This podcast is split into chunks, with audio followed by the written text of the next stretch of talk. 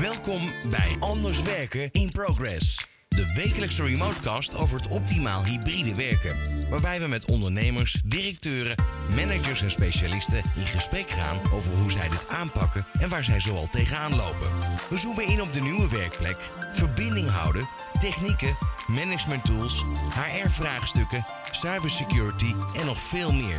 Elke keer weer een andere invalshoek en stof tot nadenken. Voorheen leek de toekomst van werken vrij duidelijk. Maar kijk een paar jaar vooruit en de toekomst van werk ziet er totaal anders uit. Kantoren zijn woonkamers geworden en vergaderzalen grotendeels leeg en kantooruren variëren. Het hele concept van werken keerde zichzelf op zijn kop en het lijkt onwaarschijnlijk dat het ooit nog teruggaat naar de situatie die we ooit gewend waren. Personeelstekorten, AI, ChatGPT en nog veel meer ontwikkelingen dragen hier nog eens extra aan bij.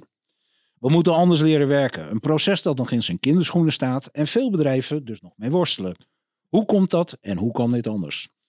In de studio vandaag Luc Kamperman, eigenaar van Veldhoen Company en Erik Hartsing, CEO bij Communicatief en onze gastheer zoals gewoonlijk. Luc, van harte welkom in de studio. Ja, dankjewel voor de uitnodiging. Ook leuk. Ja, graag gedaan. En jij natuurlijk ook, uh, Erik. Ja. We hebben jou al wat vaker gehoord en jullie hebben natuurlijk een hele belangrijke rol gespeeld tijdens de Summit op 9 eh, juni uh, in plaats de Anders Werk Summit. Ik begin even, Luc, bij jou als onze gezamenlijke gast, omdat Erik natuurlijk gastheer is. Eigenaar Veldhoen Company. Wat, wat doen jullie precies? Uh, Veldhoen Company begeleidt organisaties naar andere nieuwe manieren van werken. En dat, dat doen we heel erg vanuit data-analyses, Ehm, vanuit een, menselijk perspectief. En dat vertalen we dan voor organisaties door naar ja, wat betekent dat uiteindelijk voor je IT-omgeving? Wat betekent dat voor de fysieke gebouwde omgeving? Nou, dan kom je op scenario's met hè, waar heb je je kantoor nog voor nodig? Hoe groot moet dat zijn? Uh, waar uh, dient dat toe te uh, faciliteren? Et cetera. Maar het is echt, dat startpunt is wie ben je als bedrijf? Waar beweeg je naartoe? Wat betekent dat voor je mensen? En en daar helpt data uh, erg in. Ja, kom ik zo direct even bij terug. Super interessant. Erik, CEO communicatief, uh, kan jij voor de luisteraar uh, die jullie of jou inmiddels nog niet kent, even aangeven wat communicatief doet? Ja hoor, wij zijn een Microsoft specialist op het gebied van Microsoft Teams telefonie en Teams vergaderkamers. Uh, feitelijk op het moment dat uh, Veldhoen is langs geweest en, uh, en er bepaalde beslissingen uit zijn gekomen, dan zijn wij bij wijze van spreken een organisatie die benaderd worden om dat door te voeren, zodat er ook daadwerkelijk een andere manier of hybride bepaalde bedrijfsprocessen en, en, en menselijke aspecten ondersteund kunnen worden tijdens het samenwerken en vergaderen. Ja, en die processen die grijpen natuurlijk allemaal op elkaar in op dit moment. En je ziet ook heel erg dat management, HR, eh, IT, eh, facilitair, het grijpt allemaal in elkaar. Wat vroeger soms nog heel erg standalone was, zie je dat dat nu toch veel meer geclusterd is. Luc, als ik even naar jullie activiteiten toe ga, wat zien jullie op dit moment in de markt? Zie je bepaalde bewegingen, ontwikkelingen? Kan je daar iets meer over vertellen? Ja, absoluut. Um, de dingen die wij in de laatste nou, maanden zien, is dat um, bedrijven, grote, middelgrote en grote bedrijven, nu uh, eindelijk op dat punt komen dat ze tot strategie-executie willen overgaan. Het was heel lang uh, nou, bekijken wat de markt gaat doen en hoe bewegen we daarin mee. En je had wat voorlopers, je had wat achterlopers, maar dat was vooral een heel veel geschreeuw. Being out there en nog niet zozeer in daadwerkelijk doorvoeren. Um, ik denk overigens wel uh, voor Erik hè, dat er uh, heel snel actie is gekomen op uh, inderdaad vergaderruimtes anders inrichten, et cetera. Ja, wij noemen dat de noodscenario-periode. Precies, hè? er was nood aan de man, er was crisis. En, en daar zijn ze wel toe in staat gebleken. Maar nu komen echt meer lange termijn vraagstukken. Um, en, en daaronder zitten ook, ehm, hè, je ziet, nou, toevallig wat ik van de week dan even uit het nieuws haalde, ook stond in de Volkskrant, dan een stad als San Francisco um, ja, gewoon grotendeels leeg staat. Hè. Er is bijna geen reuring meer in die stad. Hè. De stad ook waar ooit uh, bijna alle software voor het anders in thuiswerken zeg maar, ontwikkeld werd. Die is daar eigenlijk nu mee uh, doemd. Uh, daar staat 30% van de kantoren zijn niet verhuurd. Hè. Dat was ooit tussen de 5 en 10%. Dat is nu 30%. Je praat over Silicon Valley dan? Is dat nee, dat is echt downtown San Francisco. Oké. Ja, dus de impact op sommige steden is, is al gigantisch. Uh, maar je merkt dat ook hier in Nederland. Hè? De vraagstukken van, ja, oké, uh, kunnen we 10, 20, 30, uh, 40 procent van onze uh, real estate uh, nou, teruggeven? eh, aan, aan eh, de, de eigenaren. Eh, ja, met welk risico doe je dat? Hè? En ehm, nou, op dat punt staan veel bedrijven eh, nu wel, want we zijn nu twee, drie jaar er doorheen eh, geworsteld. Ja, nu komen die vraagstukken aan bod. En wat me daar wel bij opvalt, is dat het ehm, nog lang niet altijd eh, goed doordacht is. Dus het is nog eh, best veel met eh, op, op goed geluk of een bepaald onderbuikgevoel. Ehm, vaak ook van meer senior leaders. Ehm, en daar nou, zitten wel haken en ogen aan.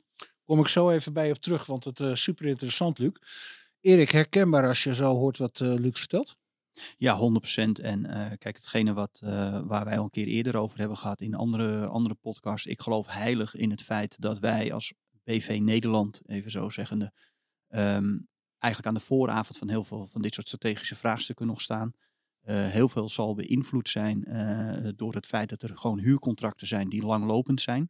Dat is uiteindelijk een beslissingsmoment voor veel organisaties om, om te schakelen. We hebben een hele andere wetgeving dan de US. Hè. In de US eh, schaal je af en, en, en, en schaal je bij wanneer het je uitkomt als organisatie. Dat is ook op facilitair daar eh, veelal het geval. Eh, je hebt daar contractvoorwaarden met medewerkers. Zonder problemen kan je mensen eruit zetten en weer aannemen. Dat is natuurlijk heel anders zoals we hier met elkaar omgaan. Op alle verzetten. En ik denk dat die verzetten een, een beweging heel lang hebben tegengehouden. Ehm, en ehm, eh, de, de, de wereld was natuurlijk heel fluïde nog. Eh, we wisten niet wat er allemaal ging gebeuren. Eh, we, hebben allerlei in het oosten allerlei rare dingen aan de hand natuurlijk. Dus er waren heel veel bedrijven on hold. En ja, strategisch moest er tijdelijk een oplossing worden verzonnen. Ehm eh, eh, bottom line op, op, op dit moment is dat de medewerker heeft over het algemeen een geweldige werkplek thuis. En diezelfde ervaring willen zij op kantoor terugzien. Al dan niet op de werkplek, al dan niet op de sociale eh, locatie, al dan niet in de vergaderkamer. Nou, dat is, een, dat is een, een uitdaging. En daar is flexibiliteit een, een soort toverwoord geworden. Want de organisaties willen terug in vierkante meters, eh, willen ruimtes eh, een, een hogere optimalisatie geven. Ehm, eh, wat dus automatisch inhoudt dat men veel flexibeler dient om te gaan met de investeringen die men heeft gedaan. Nou ja, Luc, ik denk dat dat voor jullie niet, ik zie al knikken, dat dat herkenbaar is. Ja. Maar het lijkt me ook verdomd complex. Nou, precies. Dat, eh, dat was het eerste dat mij ook eh, te binnen schoot toen je dat eh, net aangaf, Erik. Ehm, het is een hele complexe situatie. En, ehm, en wat daar wel interessant is, als ik een analogie mag maken. Ik zag van de week online iets voorbij komen. Ehm, als je bij Starbucks, toch een klein beetje Amerikaans weer, Ja. maar daar kun je een latte bestellen. En dan, dan heb je een aantal keuzes te maken. En er was een eh, schematisch overzicht van hoeveel keuzes je te maken hebt bij het bestellen van een latte bij de Starbucks. En let wel, dat ging eh, van duizenden naar miljoenen naar echt eh, biljoenen keuzes die je eigenlijk uiteindelijk te maken hebt.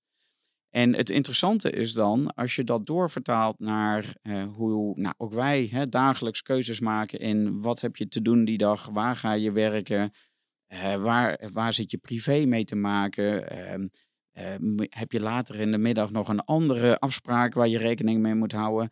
Ik wil wel naar kantoor komen, maar hey, mijn collega's zijn er misschien helemaal niet. Ja, als je dat allemaal optelt, dan is dat echt een hele complexe Gaat samenhang. Verder dan een kop koffie. Dat gaat verder dan een kop Ja, koffie, ja. ja, En, ja. en dat is hetzelfde als bij dat schaakbord. Hè. Dat kennen we ook wel, die analogie. Met één rijskorrel op het eerste vakje en dan continu verdubbelen. Nou, je, hè, dat, dat past niet in deze ruimte. Hoeveel rijst uiteindelijk dan naar binnen? 64 maal nog iets en dan, ja, ja. Die? Ja. Ja. dat is eigenlijk bij teams ook zo. Weet je, Erik en ik met z'n tweeën kunnen nog vrij makkelijk een afspraak met elkaar maken.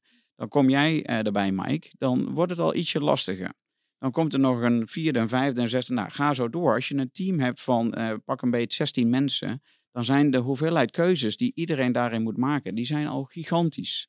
Dus wat je nu ziet is dat ehm, eh, waar middenmanagers met name mee worstelen, is als ik vandaag in ene toch bedenk van hé, hey, maar morgen heb ik een cruciaal iets en ik wil even dat met z'n allen op kantoor zitten, dat dat eh, vanuit de data nu eh, ook naar voren komt, dat is gewoon niet haalbaar. Omdat er zoveel mensen nu in hun routines zitten en daarin andere keuzes maken, dat als jij ze morgen allemaal bij elkaar zou willen hebben, dan kun je dat feitelijk vergeten. En, en dat is een worsteling eh, waar zij wel ehm, eh, nou, mee aan de slag moeten. Want een manager hè, die moet voor de productiviteit zorgen, die moet voor het samenhang van het team zorgen, et cetera. Dus die wil wel graag daar meer invloed op hebben. Maar ze hebben het gewoon niet meer. Want de macht is toch voor een deel nog wat verder verschoven naar iedere medewerker. En ehm, daar kun je wel iets aan doen. Maar dan moet je niet met lange halen snel thuis denken te zijn. Want zodra iemand dan denkt van nou, ik ga dit even overrulen, want ik ga het makkelijk maken. En ik zeg dat uh, vanaf nu, iedere week maandag en woensdag is iedereen op kantoor. Nou, wij hebben daar gewoon het bewijs van. Dat werkt niet. Het werkt gewoon niet. Ik kan daar verschillende klanten, verschillende voorbeelden aanhalen. Maar wat je ziet, dat is dat dat, dat hoogstens voor 50, 60 procent van de mensen dan uh, uh, opgaat. En de anderen dus niet. Dus ja, hoe ga je daarmee om? Dat is het hele interessante vraagstuk. En kortom, hè, hybride, dat gaat niet meer weg. Dat is gewoon een vast gegeven waar we mee moeten omgaan. Ja, wat ik dan wel benieuwd naar ben, en sorry dat ik uh, onderbreek uh, hierin, hè, Luc.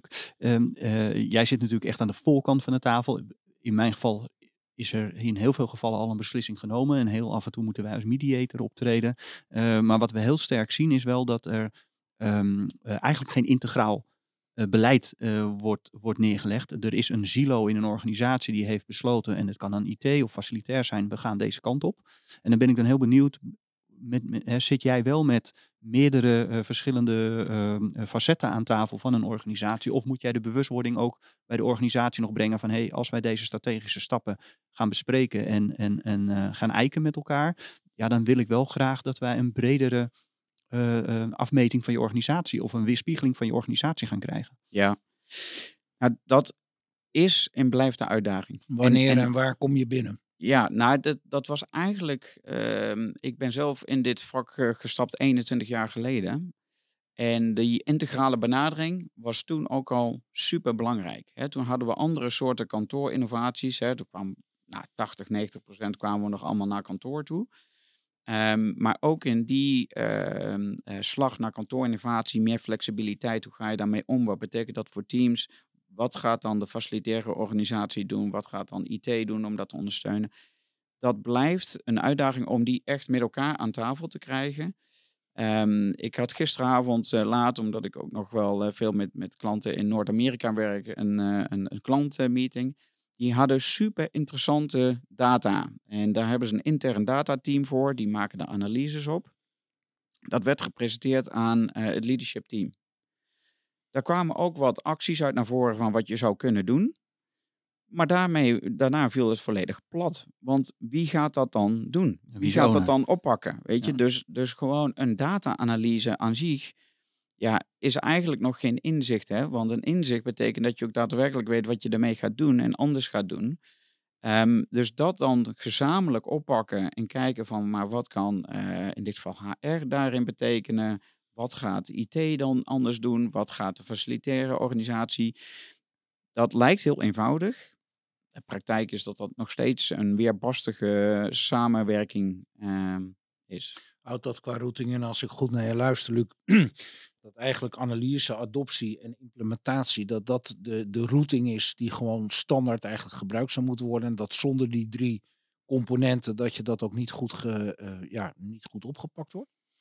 Nee, omdat uiteindelijk um, bedrijven zijn vaak zo georganiseerd, die, die hebben gewoon hun eigen budgetten, die hebben hun eigen organisatiestructuur die willen wel met elkaar samenwerken. Die zitten waarschijnlijk ook net zoals wij drieën nu wel zo uh, hè, wekelijks of twee wekelijks met elkaar samen. Maar dat, dat betekent nog niet daadwerkelijk integrale samenwerking. Dus dat je daadwerkelijk gaat begrijpen van, hé, hey, maar hoe gaan wij in een, hè, dan gebruik ik toch even een populair woord, die employee experience nou echt vormgeven. En daar hebben we allemaal iets in bij te dragen. Maar die bijdrage kunnen we niet vanuit onze eigen invalshoek benaderen. Die moet op elkaar aansluiten. Dat is cruciaal, want je kunt fantastische uh, omgevingen ook bouwen. En ik denk dat dat misschien iets uh, waar Erik ook net even aan uh, refereerde. Dan nou, schuif dat naar binnen, hè, dan staat het daar. Maar als dan inderdaad daadwerkelijk vanuit de, het middenmanagement en de kaders, et cetera, gewoon een totale chaos is en uiteindelijk eigenlijk niemand naar kantoor komt, ja, dan, dan staat het daar te staan. Hè. Ik neem aan, Erik, dat jullie daar ook tegenaan lopen. Ja, nou ja, 100%. Hè. Dus op het moment dat wij, uh, we komen met, met verschillende invalshoeken aan tafel, hè, uh, al dan niet over telefonie of al dan niet over vergaderkamervraagstukken. Uh, maar zeker bij vergaderkamervraagstukken waarbij men eigenlijk denkt van hé, hey, we zetten apparatuur neer en dan heb ik hybride werken of anders werken opgelost. Ja, zo werkt dat gewoon niet. Um, en vaak ligt daar een heel, een heel um, vraagstuk of een heel dominoveld omheen, waarbij je één steentje om, om, om laat vallen en dan valt natuurlijk de rest ook om. Is dit iets van de laatste tijd of is dit gewoon wat inherent is aan bedrijfsprocessen? Hoe moet ik dat zien? Of is dit erg toegenomen? Ik probeer even na te denken wat de oplossing zou kunnen zijn. Nou, ik denk dat het een ander proces te werken. Ik denk dat bedrijfsprocessen per definitie, hè, het woord proces zegt al aan dat we iets hebben gestandardiseerd. En heel veel bedrijven zijn op een bepaalde standaard uh, uh, ingericht. En dat hebben we natuurlijk jarenlang zijn wij als BV Nederland succesvol geweest met een, een, algemene inrichting en een algemene standaard. Hè. Eh, we hebben daar uh, allerlei projectmanagement, uh, weet ik veel wat allemaal. We hebben allemaal methodieken verzonnen. Hè. We, voor Adoptie Change Management Pro, SAI, noem alles maar op. Um, enkel nu wordt er wel van ons verwacht van hé, hey, we moeten in één keer naast de standaard kaders die we hebben gezet, moeten we ook buiten die kaders met elkaar kunnen gaan praten en gaan evalueren. En dat vinden toch wel heel veel mensen uh, en organisaties heel moeilijk. Want ja, dat is moeilijk meetbaar. Want ja, we hadden een standaard en dat is te meten. En dan kunnen we een KPI op loslaten. Maar hier kunnen we geen KPI nog op loslaten. Hè? Dus, dus alles wat we nu met, met, met elkaar doen, is eigenlijk één grote ontdekking. En, en ja, de succesvolle bedrijven die shinen naar buiten. En dan willen heel veel partijen zeggen, oh, maar dat willen wij ook. Ja, maar vergeet niet wat daar gebeurd is. En wij hebben zelf een hele succesvolle klant uh, uh, of, of een heel succesvol project gedraaid bij een klant, zo moet ik het zeggen. Maar die hebben dus anderhalf, twee jaar geleden een integrale aanpak gedaan over hybride werken. Maar die hebben ook gezegd, ja, dit is niet alleen IT-budget. Dit, hier moet een, integraal budgetplan voor komen, zodat wij met meerdere afdelingen verantwoordelijk zijn voor de investering die erbij hoort. En wat we dus met regelmaat zien is dat er wel de gesprekken aan de voorkant worden gevoerd vanuit verschillende afdelingen. Dus net wat Luc ook zei, Um, maar op het moment dat het puntje bepaaltje is, ja, weet je, al deze, deze investeringen komen toch wel op IT-budget, of komen toch wel bij facilitair, of komen toch wel bij die, want ja, ik kan ze dit jaar niet bij mij op mijn budget hebben. Ja, ja dan krijg je geen enkele vooruitgang. Dus, dus vanuit, in mijn idee, vanuit management of C-level, uh, uh, zou er een soort um, ja, anders werken force, hybrid force neergezet moeten worden, die dus ook mandaat krijgt over budget. Uh, en dat budget zou niet per definitie van je standaard IT-doorstroombudget moeten zijn, want dat heb je al een jaar geleden ingeleverd. Ja, nou ja eh, als je dat zo zegt, Erik, inderdaad, hè, wie, uh, wie betaalt, die bepaalt. Hè? Dat, dat is toch dan even dat onderliggende gevoel, hè? Uh, wiens budget. Um, vaak zie je ook dat juist waar nu behoefte aan is, is ook een stukje begeleiding van die mensen. Hè? Dus dit, de, de verandermanagement, dat zit vaak bij niemand in een pocket. Nee dus dat valt dan tussen uh, wal en schip. En dat wordt maar weer de vraag, wie pakt dat dan op? En ik wil nog wel even aanhaken wat je zei, Erik. Inderdaad, vanaf dat C-level, het leadership team. Um, maar het blijft fascinerend. En ik neem ze dat niet kwalijk. Maar veel leadership teams, die, die zitten toch wel um, te worstelen met een aantal vooroordelen die mm-hmm. ze hebben. En ik noem er even twee die, die ik gewoon veel voorbij zie komen. Eén is toch de, uh, de status quo vooroordeel. Het is verdomd lastig om uh, niet terug te willen naar je status quo. Daar waar je gewend aan was, hè, daar waar je je goed bij voelt. Hè. Denk even aan een bepaalde maaltijd die je lekker vindt. Ja, er zijn er misschien twee of drie. Nou, eigenlijk onder het mom mensen veranderen niet graag. Nee, Klaar. daar hou je aan vast. Daar hou je aan vast. En je weet vaak niet eens of er nog een vierde of een vijfde gerecht is. Dat je misschien eigenlijk wel lekkerder vindt dan die eerste drie. Maar je, dat is gewoon je, je gewoonte. En daar hebben zij ook mee te maken. Zij zijn ook gewoon menselijk. En het tweede is uh, de, de empathie-blokkade ehm, die ze hebben. Het is toch moeilijk voor senior leaders, ondanks dat ze data gepresenteerd krijgen, et cetera, maar om echt in te voelen met hoe hun medewerkers uh, acteren en denken. Daar zit vaak gewoon echt een gap tussen.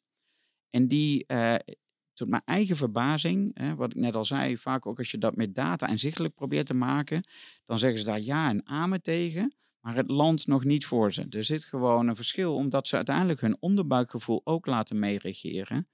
En dus daar zit voor mij heel vaak de, de aanleiding om te proberen om ook uh, uh, nou, die, die, die leidinggevende mee te nemen op van ja, wat is nou de veranderrichting die je op wil? Probeer daar nou eens helderheid op te krijgen.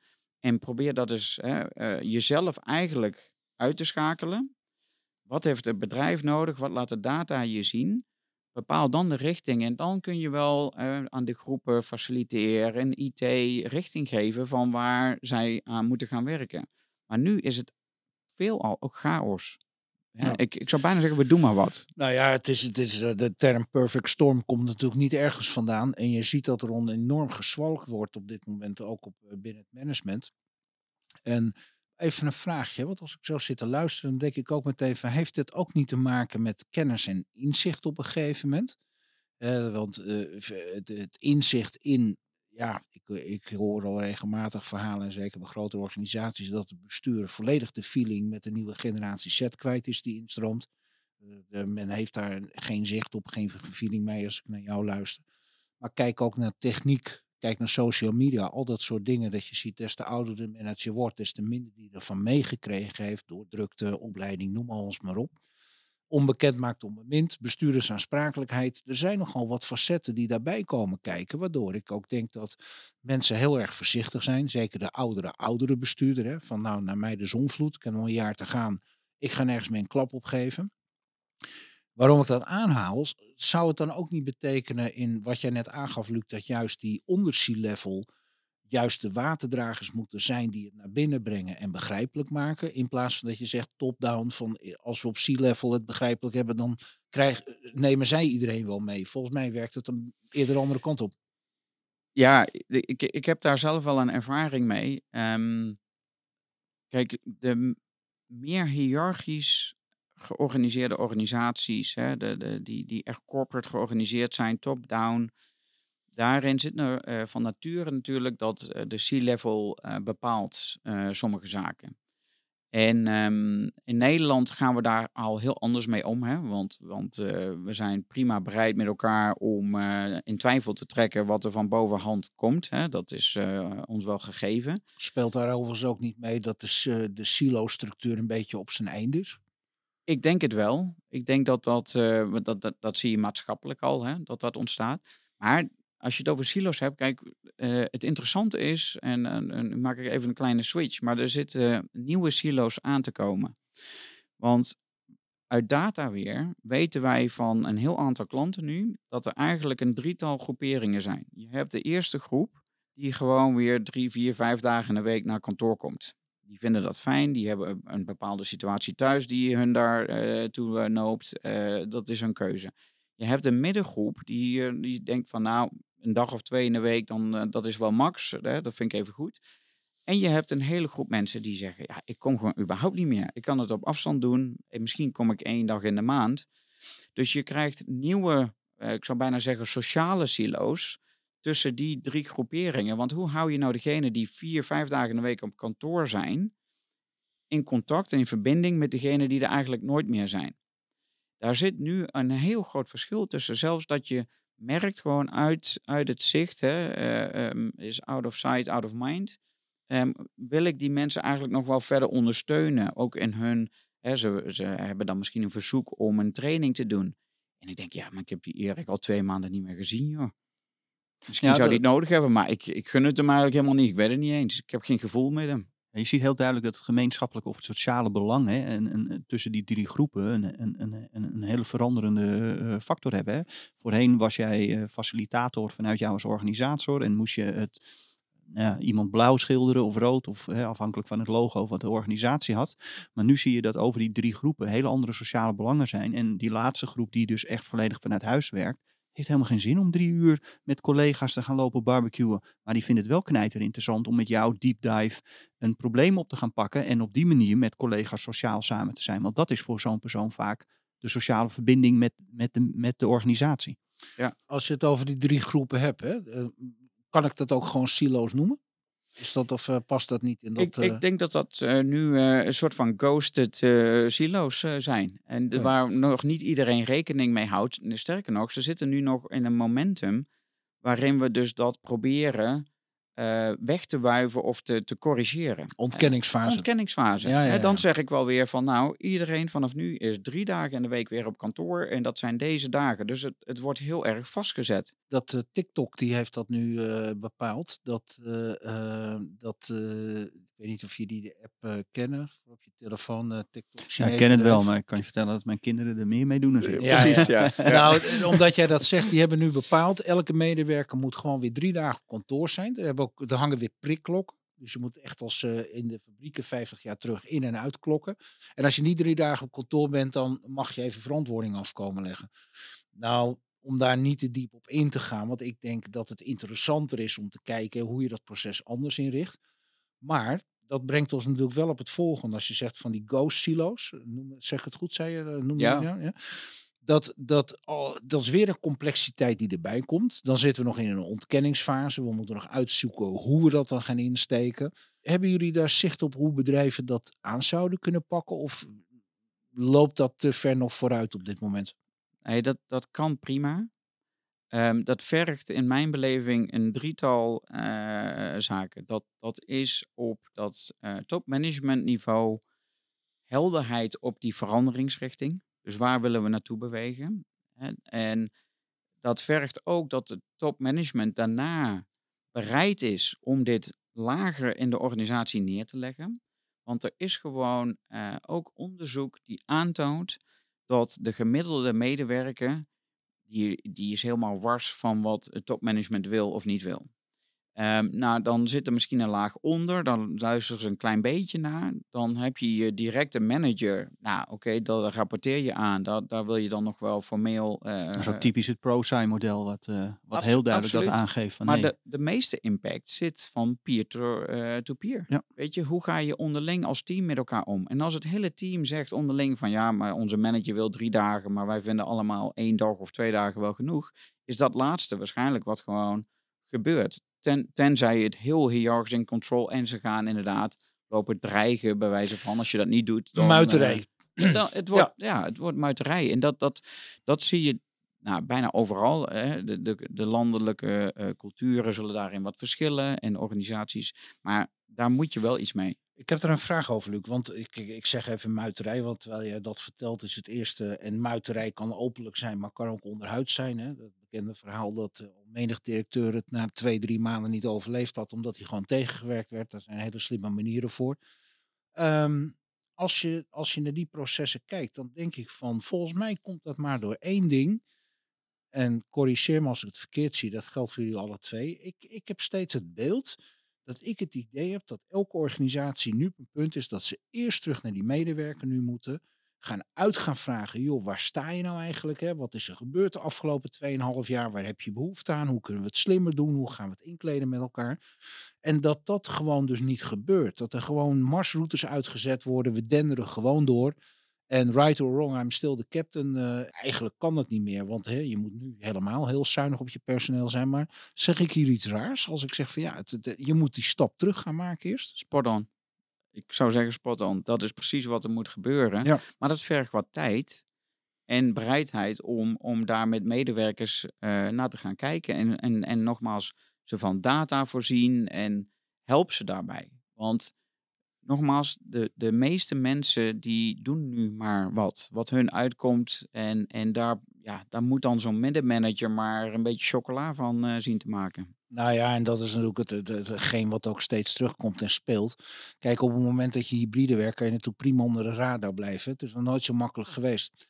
Als jij natuurlijk in een kantoor zit of in een kantoortuin uh, en ja, je bent uh, continu in de spotlights en aanwezig, dan zijn dingen natuurlijk veel makkelijker te traceren dan dat nu het geval is. Maar houdt het dan ook niet in, luisteren naar jou, Luc, even vanuit die, die silo's die je net neergaf, die go-silo's, dat dat ook een bewuste zorg op dit moment van het management is. Grip kwijtraken, uh, zowel dingen wel of niet meer zien, maar uh, muiterij hadden we het net over. Is dat een serieuze zaak, waardoor die, die, die controle steeds terugkomt? Ja, maar ligt het probleem bij de werknemer of, of ligt het probleem bij de manager? Hè? Uh, het feit dat wij generiek een beleid over een organisatie willen leggen, terwijl wij ontzettend veel verschillende generaties, individuen, werkwijzes hebben binnen een organisatie. Uh, uh, en ik geef altijd even het voorbeeld, als wij een telefooncentrale inrichten, dan richten wij dat in met 7, 8 verschillende persona's. Dus uh, medewerkergroepen krijgen een bepaalde functionaliteit en die wordt helemaal fitted gemaakt aan de werkprocessen die zij dienen uit te voeren. Ehm, en dan gaan wij een generiek beleid over aanwezigheid en over uh, werkafspraken over een organisatie brengen met misschien wel duizend of twee of drieduizend medewerkers. Terwijl al die medewerkers een ander belang hebben aan toevoeging van de organisatie en het wederkerigheidsmodel. als jij um, zeven dagen, of, sorry, vijf dagen per week, ja, ik denk even vanuit ondernemer. als jij vijf dagen per week werkt voor een organisatie, kan jij prima vijf dagen output vanuit Barcelona of vanuit China of vanuit uh, jouw kantoor thuis leveren, als jouw werk, uh, werkzaamheden dat ondersteunen. Maar wij zijn zo nog op die, op die persoon en om die individu bezig en niet op die output. En, en, en, en wij worstelen daar ook mee hè, als organisatie. Want op het moment dat ik dus een werknemer een opdracht waar acht uur voor staat en hij is in drie uur klaar en hij heeft het geweldig gedaan. De klant uh, geeft, uh, geeft chapeau aan, uh, alles is, is, is, is compleet. Moet ik dan als, als eigenaar of manager van een organisatie zeggen, ja maar wacht even, ik heb dan ik heb nu vijf uur speling, want ik had acht uur, hij is in drie uur klaar. Kunnen we die vijf uur niet rendementvol ergens anders op gebruiken? Vroeger deden we dat, hè, want dan planden we gewoon iemand door en dan werd iemand dus echt letterlijk 40 uur tot volgedouwd. Wat we nu alleen wel heel duidelijk zien is dat er een gigantische uitval in de markt is, hè, uh, uh, waarbij dat bij, men, bij mensen op die manier gebeurt. Dus ja, ik denk dat er ontzettend veel touwtjes zijn die, die momenteel um, een uh, invloed hebben op, op ons. Ja. ja, welke taken maken jouw opdracht succesvol? Hè? Dat, dat gewoon scherp hebben van hoe draag ik nou bij wat voor mij zelf als eh, persoon hè, tot ontwikkeling leidt, maar waar de organisatie uh, in zijn geheel ook wat aan heeft. En dat uh, ben ik helemaal met je eens, Erik. Dat is die, die, die uitkomstfocus is nog heel lastig. Uh, in sommige rollen is dat veel makkelijker, maar dan zie je dat er juist een beetje zo'n control freak bijna overheen komt. Die zegt van ja, je had 100 aanslagen per minuut kunnen doen en je hebt er maar 80. Hè? Nou, volgens mij bestaat die software ook tegenwoordig. Die, die, die schijnt ook rond uh, te ja, gaan. Dan kunnen mensen thuis die doen dan uh, als ze een kat hebben, kattenvoer over het toetsenbord ja, heen. Precies. Lekker aan blijven tikken. Ja. ja. Nee, en dat, dat is wel. Um, ja, dat is wel echt een, een uitdaging om daar. Uh, want uiteindelijk mensen willen ook wel zinvolle bijdrages leveren. Hè? Dus, dus hè, dat, dat was onderliggend natuurlijk niet anders uh, drie, vier jaar geleden of, of tien jaar geleden of twintig jaar geleden. Um, want dan zat je misschien wel vijf dagen op kantoor, maar zat je ook de helft van de tijd bij wijze van niks te doen. Maar ja, je baas had toch het idee van, nou Erik is er in ieder geval, dus dat, dat, zit, wel, dat zit wel lekker. Mm. Um, dus dus dat, dat was altijd al belangrijk. En, um, maar voor sommige rollen is het gewoon heel lastig om gewoon helder te hebben van welke taken die jij doet, uh, zijn nou succesvol en, en de manier waarop je ze dan ook uitvoert nog succesvoller, zodat we daar allemaal profijt van hebben. Ja. ja, dat is best wel een uitdaging. Nou, dat is uh, inderdaad een enorme uitdaging. En ook natuurlijk, uh, er ligt enorm veel bij het management al op een bordje. Dus het is ook steeds prioriteiten stellen. Um, ik vind een uitdaging wel een heel mooi woord. En ik hoorde in een van de andere uitzendingen ook op een gegeven moment iemand zeggen van ja, weet je, het is ook wel heel mooi wat er gebeurt. Hè? Het principe van is het glas half vol of half leeg. Want het brengt ons heel veel. We moeten nagaan denken hoe we processen slimmer, beter in kunnen gaan richten. Erik, aan jou even vraag tot slot. Is er iets wat je de luisteraars graag mee zou willen geven? Dat je zegt van nou, vanuit mijn positie en visie zou ik het management graag die of die dingen mee willen geven in het kader van wat we net besproken hebben? Nou, iets wat wij uh, in. Uh, wij, wij leveren uiteindelijk een stuk techniek hè, naar een organisatie, maar techniek gaat niet werken als de organisatie dat niet kan omarmen. En de organisatie bestaat uit mensen, dus als de mensen de techniek niet kunnen omarmen en het heeft geen voordeel hè, en de what's in it for me wordt niet beantwoord, dan gaan mensen niet veranderen. Uh, en ik heb laatst, we, we, hebben net de vakantieperiode achter de rug. ik zat in Spanje. Ik zat naar een terras te kijken. Ik wou er eigenlijk nog een foto van maken, maar ik ben heel dyslectisch. Dus ik ben niet iemand die heel snel op LinkedIn iets post. maar ik wou er een foto van maken, want ik zag allerlei leeftijdscategorieën met een, een telefoon op het terras. In plaats van dat ze met elkaar aan het praten waren, waren ze allemaal met hun telefoon bezig. En toen, toen had ik eigenlijk zo'n opmerking in mijn hoofd. Dus blijkbaar als het maar interessant genoeg is en ons genoeg voedt in, in, in het positieve zijn, zijn wij bereid om iets aan te leren. Er was geen enkele generatie die daar op dat terras zat, die feitelijk niet met die telefoon kon werken. En in het zakelijke leven zien wij dus dat er heel veel verschillen zijn tussen, tussen allerlei generaties, heel veel gedachtenvergoeden, uh, noem alles maar op. Um, wat doen wij dus in ons proces momenteel? wij gaan eigenlijk eerst die, die, ja, de organisatie zelf in. En ik, wij noemen dat altijd een beetje de onderkant, de werkvloer. Op de werkvloer halen we feitelijk ehm, ehm, ja, het gemak en het ongemak op. Dat eh, filteren we naar boven van, joh, eh, dit is wat de organisatie momenteel doet. Als we dat vertalen naar een oplossing, dan zouden deze zaken de oplossing kunnen zijn. En hoe denk jij daarover, management? Eh, en wat we da daarin eigenlijk heel vaak terugzien, is dat management een, een discrepantie hebben op, de, op hetgene wat zij dachten dat er op de werkvloer plaatsvinden. Ehm, ja, en ik zou bijna zeggen van, hey, uh, kijk eens naar Undercover Bos. Hè. Trek eens een, een overal aan of trek eens een spijkerbroek aan en ga eens gewoon op de werkvloer een halve dag naast je medewerkers zitten. Dan ga je echt verbaasd zijn over de zaken die daar plaatsvinden en de emoties die daar spelen over bepaalde beslissingen die bovenin, en dat is wat, wat jij net ook al zei, Luc, die bovenin plaatsvinden, die hebben, kunnen heel veel impact hebben voor een medewerker met zijn gezin en aanverwanten. Maar die impact heeft, heeft direct uh, resultaat op wil iemand veranderen en mee gaan denken in die nieuwe wereld. Ja. Ja. ja, herkenbaar. Luc, wil jij er ook op reageren? Nee, ik, ik vind dit, uh, ik kan je perfect uh, op aansluiten. Um, mooie analogie ook, hè, met trek die overal aan. Um, wat wij proberen te bereiken bij, uh, bij onze klanten ook is inderdaad, hè, uh, gebruik bijvoorbeeld data voor die helikopterview. Uh, maar breng het daarna ook lager in die organisatie en geef dan ook meer autonomie aan de verschillende teams. Maar daar moet je ze bij helpen, want dat is hun echt niet zomaar gegeven om daar um, tot inzichten te komen. Want mensen moeten zelf tot inzichten komen van, ja, waarom uh, verliezen wij een bepaalde gevoel van verbinding? Hè? En, en waar zit het hem dan in? Wat kunnen we dan anders doen? En dan heeft een top-down uh, directief, uh, nou, draagt daar maar nauwelijks aan bij. Dus uh, co-creatie met je medewerkers, dat kost wat tijd en energie. Maar volgens mij is het op dit moment het enige pad dat echt bewandeld kan worden. Want denken dat wij het ergens wel weten als bepaalde experts en we, we, hè, we droppen maar een oplossing uh, erin. Um, nou, mijn ervaring is in de laatste maanden, slash laatste twee jaar, dat werkt niet. Nou, en, ik, en, ik, ben dan heel benieuwd, sorry ik nog even inbreek, Mike. Een soort gewoon, gewoonte van de, van, van, van, van de andere podcasten. Maar uh, ik ben heel benieuwd, Luc. Als jij dus aan tafel komt bij een organisatie, hè, wat is nou een gemiddelde doorlooptijd um, uh, dat eigenlijk de eerste resultaten naar voren komen? Uh, wat, wat is een gemiddelde, uh, bij wijze van spreken, joh, ik heb een organisatie van duizend medewerkers, maar ik zie dat wij eigenlijk in anderhalve maand al een, een bepaalde bewustwording uh, zien landen. Ik noem maar even iets. Hè. Ik ben heel benieuwd hoe dat... Dat, dat kan heel snel, maar je moet het um, klein maken. er is gewoon wetenschappelijk onderzoek dat aantoont dat iedere routine die jij hebt als persoon, als je die daadwerkelijk wilt veranderen, dat kost je, ik meen uit mijn hoofd, uh, 22 dagen. Dus stel, uh, je, je, je doet altijd met je rechterhand uh, tanden poetsen, maar je wil dat met de linkerhand gaan doen. Daar heb je 22 dagen voor nodig dat dat je nieuwe routine wordt. Dat je daar, nou, dat is even een, een, een plat voorbeeldje. Maar juist daarna op zoek gaan. Hè, wat, wat zijn nou, dus ook niet te groots maken, hè, want dat gaat high over. Maar wat zijn nou binnen dat team of zo twee dingetjes of drie dingetjes die we in de komende paar maanden even anders gaan doen met elkaar? Daarvan leren, dat wat weer wat bijstellen. Dat, dat is het pad wat volgens mij bewandeld moet worden. Dus je hè, niet lange halen snel thuis. Op zoek naar die kleine routines.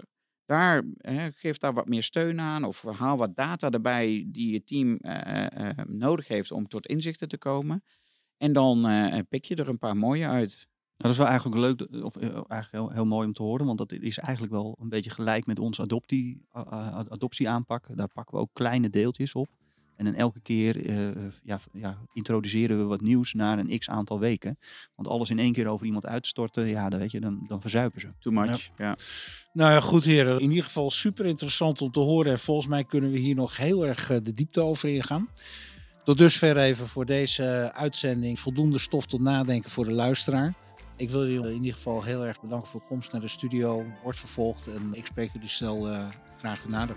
Dankjewel. Leuk. Leuk dat je weer hebt geluisterd. En volgende week zijn we weer met een nieuwe Remotecast. Deze aflevering wordt mede mogelijk gemaakt door de Anders Werken Summit en haar partners. Heb je een aflevering gemist? Of wil je zelf deelnemen aan onze live events en netwerken? Kijk dan voor meer informatie anderswerkensummit.nl